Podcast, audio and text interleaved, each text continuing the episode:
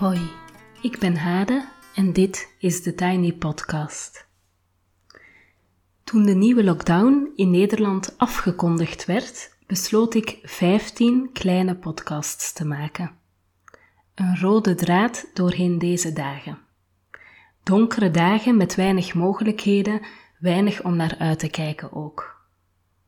Elke dag een incheckvraag om die 10 minuutjes tijd voor jezelf te nemen en te claimen. Mijmerend of schrijvend. Misschien is het wel leuk om er een apart boekje voor te nemen en telkens daar de antwoorden in te noteren. Ik geef je ook elke dag een suggestie, een boek, een serie, een film, een podcast, een activiteit. Elke weekdag van 20 december tot en met 7 januari. En dit is dag 7. De vraag van vandaag is: als je één, twee of maximum drie woorden voor 2021 mocht kiezen, wat zouden die dan zijn en waarom?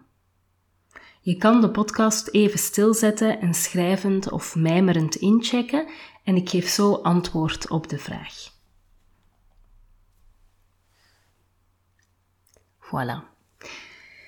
Mijn eerste antwoord of mijn eerste woord is vormeloos. Um, ik vind 2021 een heel moeilijk jaar om te omvatten in mijn hoofd. Het voelt als een raar, vormeloos jaar.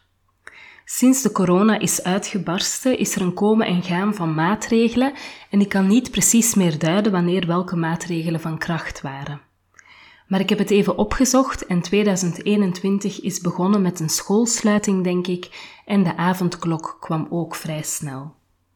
Die avondklok was een heel vreemde ervaring. De eerste avond herinner ik me dat we in ons huis waren en dat er zo'n soort gevoel van onheil hing. Um, er was een soort van ongelovig, raar, onwezenlijk gevoel en ik denk dat dat vooral gevoed werd door de stilte die er buiten was. Er waren geen voetstappen, geen voertuigen, geen geluiden van fietsen over de kasseien, geen stemmen. Het was onwezenlijk stil buiten. Mijn tweede woord is collega's. Uh, sinds de zomer mocht ik als freelancer uh, werken voor Femma Wereldvrouwen uh, aan het project Eigen Tijd, uh, wat betekende dat ik opnieuw met collega's samen kon werken. Zij het dan op afstand en dus vooral in online meetings. Maar ergens deed me dat wel deugd, omdat collega's mensen zijn die je niet meteen kiest, maar ook waar je niet meteen iets bewust mee moet opbouwen. Um, wacht, het verschil met collega's is dat je sowieso met elkaar te maken hebt en intussen bouw je, als je elkaar een beetje ligt, bouw je wel een soort van contact op. Terwijl vriendschappen vragen wel een soort van bewuste inspanning. Um, zeker nieuwe vriendschappen die je niet meer opdoet tijdens je studententijd of zo, want dan heb je sowieso een gezamenlijke ervaring om op terug te vallen. Voilà. Als moeder van jonge kinderen uh, vind ik het heel zwaar om in mijn vrije tijd ook vriendschappen te onderhouden. En dat is echt niet slecht bedoeld, maar tegen dat mijn kinderen slapen en het werk af is en de keuken opgeruimd, ben ik gewoon op en klaar. En dan wil ik liever echt gewoon met rust gelaten worden in plaats van ook nog um, tijd met andere mensen door te brengen of nog veel appjes te sturen of mails of telefoneren of wat dan ook. Um, en ik vind het soms ook heel moeilijk om te merken dat vriendschappen met mensen in een andere levensfase, dat die precies geen voorstelling hebben van hoe complex het voor mij is om af te spreken. Wat dat betekent dat ik altijd ofwel met mijn partner ofwel met een oppas iets moet regelen rond de kinderen. Um, of dat ik mijn werktijd moet gebruiken om af te spreken met iemand. Dus voor mij is dat echt heel complex op dit moment, omdat ik gewoon echt een schaarste heb aan oppas. Ik heb een schaarste aan werktijd. Ik heb een schaarste aan ongeveer alles qua tijd. Um, en ik wil echt heel graag vrienden hebben en vriendschappen onderhouden, maar dat is gewoon, het is gewoon echt heel moeilijk. Dus als ik niet aan het werken ben, de keuken opgeruimd is en de kinderen slapen, ben ik dus echt heel vaak totaal verzadigd uh, van de dag. En dan wil ik alleen nog maar niets of nog beter, mijn eigen gedachten een keer horen. En collega's, die zijn dan de contacten die je sowieso hebt, waar geen emotionele verwachting aan zit, binnen je werk en je werktijd. Dus een soort van gratis mensen in je leven die je cadeau krijgt, uh, omdat je ook samen aan iets mag en kan werken. Um, voilà. Ik vind het ook heel fijn om dan van andere mensen te leren. Uh, en zo'n inkijkje te krijgen in hoe andere mensen leven en werken, dat vind ik ook heel leuk aan collega's hebben.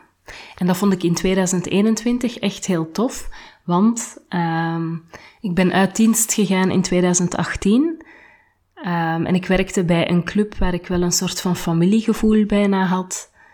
En door nu weer collega's te hebben, merk ik dat, dat ik dat eigenlijk wel gemist heb. Voilà. En het derde woord, mijn derde woord voor 2021 is nog steeds moe. Um, ik denk elk jaar dat ik hoop dat de tropenjaren voorbij zijn. Onze jongste kinderen zijn nu 3,5 en ik kan me niet herinneren wanneer zij, en dus wij, nog eens een nacht hebben doorgeslapen.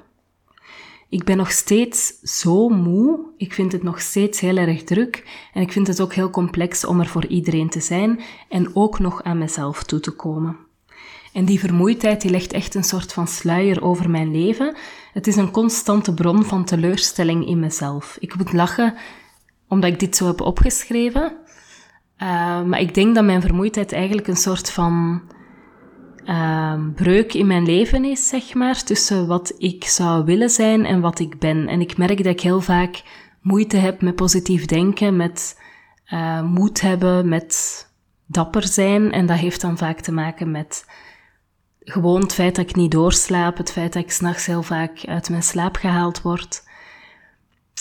Ja, vermoeidheid haalt gewoon niet het beste in de mens naar boven. Voilà.